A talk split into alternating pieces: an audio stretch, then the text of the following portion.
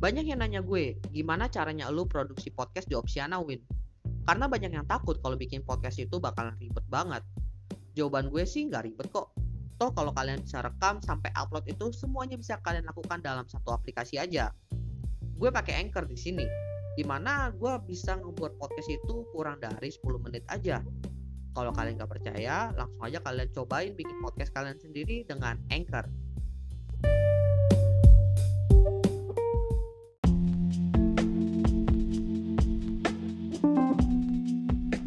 Akhirnya pengajuan Haki terhadap Citaim Fashion Week dicabut dan juga di sini kelihatan bahwa tren Citaim Fashion Week mulai menurun. Hal ini dikarenakan lokasi tempat Citaim Fashion Week itu berada kondisinya saat ini mulai sepi. Hal ini pun salah satunya disebabkan karena e, adanya penertiban yang dilakukan oleh kepolisian ya.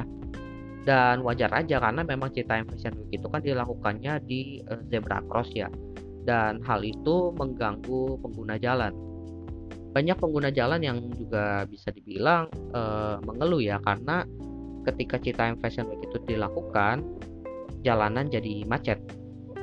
Ada juga artikel yang bilang sih e, Citaim Fashion Week di lokasi saat ini ya itu akan diberhentikan kemudian dipindahkan ke lokasi yang jauh lebih baik yang tentunya tidak menimbulkan kemacetan seperti sekarang ini. Cuma untuk kepastiannya saat ini masih belum ada ya karena juga bingung nih siapa yang mau kita tanyain juga tentang kepastiannya gitu.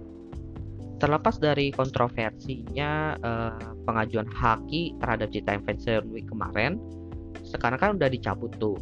Nah di sini bisa dilihat bahwa masa depan Cita Fashion Week itu jauh lebih lebar, bisa ke mana-mana. Tapi jadinya nggak jelas mau ke mana karena kan tidak terarah nih. Lokasinya aja katanya mau dipindahin nggak tahu ke mana. Kita mau nanya uh, kelanjutannya seperti apa pun kita nggak tahu mau nanya ke mana kan. Dan apakah nantinya Citaim Fashion Week ini akan boom kembali pun uh, udah bisa dibilang nggak ada jaminannya juga. Ya antara dia nanti bisa boom lagi atau bakalan mati aja Meskipun begitu dengan pencabutan haki ini bisa dibilang Citaem Fashion Week itu jadinya bukan punya siapa-siapa, jadi punya publik. Sehingga kalau nantinya akan diselenggarakan kembali, udah nggak ada tuh kepentingan-kepentingan pihak tertentu yang melatar belakangi belakangnya.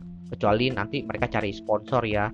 Cuma kan itu agak beda ya konsepnya ketimbang lu punya hakinya gitu dan karena ini eventnya itu spontan kita pun nggak tahu nih kapan akan diselenggarakan lagi.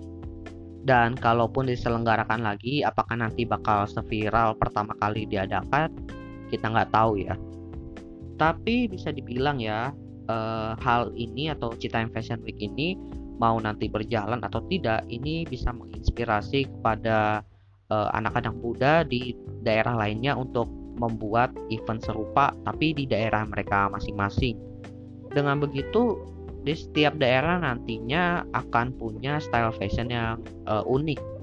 Selain menginspirasi anak muda, mungkin juga uh, menginspirasi kepada perusahaan-perusahaan gitu untuk mengadakan event serupa.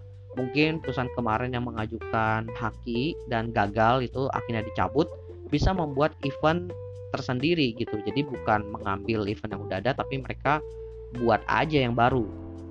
Dan nantinya bukan cuma event-event seperti fashion aja sih yang bakal bermunculan. Semoga ada event-event dengan konsep lain yang menarik itu yang mulai diadakan. Sehingga nantinya eh, event-event yang ada di Indonesia itu jauh lebih beragam. Dan juga update terhadap ini ya uh, berita lain yaitu pemblokiran kemarin dari pihak Steam dan juga Dota. Karena itu masih satu perusahaan sih. Mereka itu sudah merespon dari Kominfo dan mulai menyiapkan dokumen untuk mendaftarkan PSE jadi sih tidak lama lagi akan dibuka aksesnya. Dan untuk eh, platform-platform lain gue cari-cari sih belum ada update ya.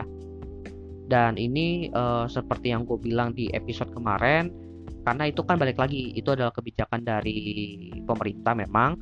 Tapi juga harus selaras dengan uh, keputusan dari si perusahaannya. Kalau perusahaannya bilang nggak mau ya nggak bisa daftar dan juga nggak bisa diakses juga akhirnya.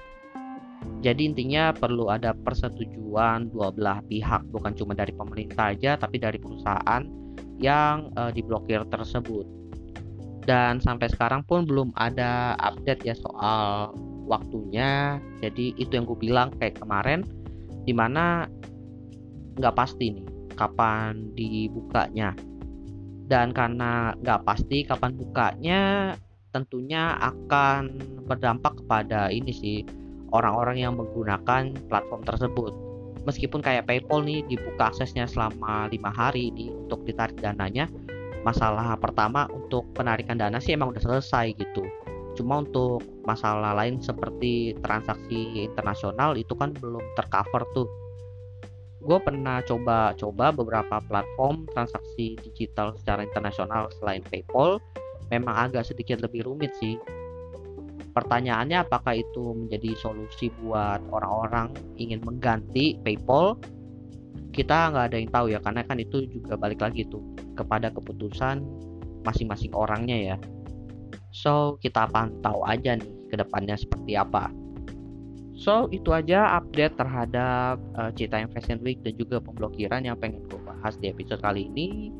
Semoga bermanfaat buat teman-teman. See you next time di episode selanjutnya. Bye semuanya.